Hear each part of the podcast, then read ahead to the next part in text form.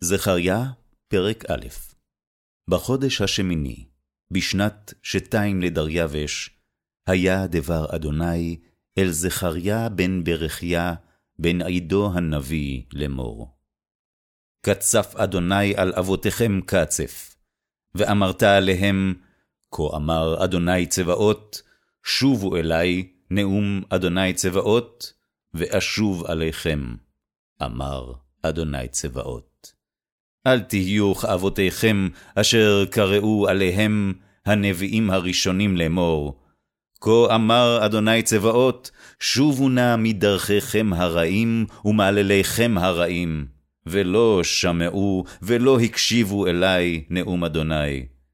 אבותיכם איה הם, והנביאים על עולם יחיו.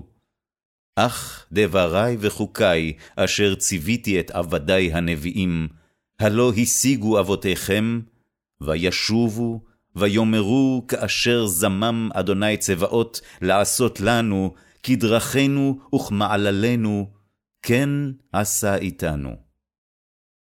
ביום עשרים וארבעה לעשתי עשר חודש, הוא חודש שבט, בשנת שתיים לדריווש, היה דבר אדוני אל זכריה בן ברכיהו, בן עידו הנביא לאמור.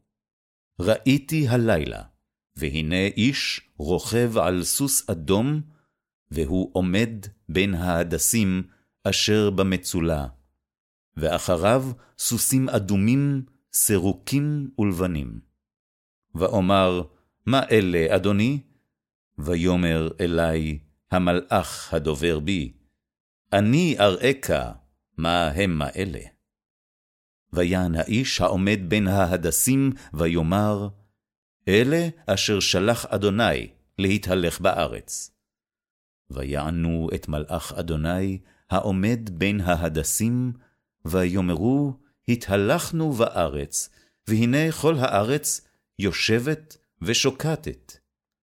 ויען מלאך אדוני, ויאמר, אדוני צבאות, עד מתי אתה לא תרחם את ירושלים ואת ערי יהודה, אשר זעמת זה שבעים שנה?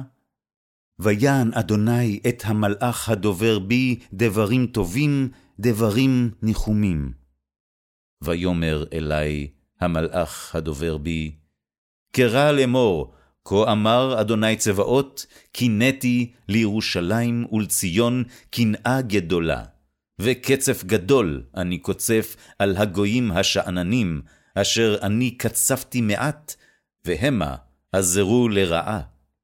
לכן, כה אמר אדוני, שבתי לירושלים ברחמים, ביתי ייבנה בה, נאום אדוני צבאות, וקו יינטה על ירושלים.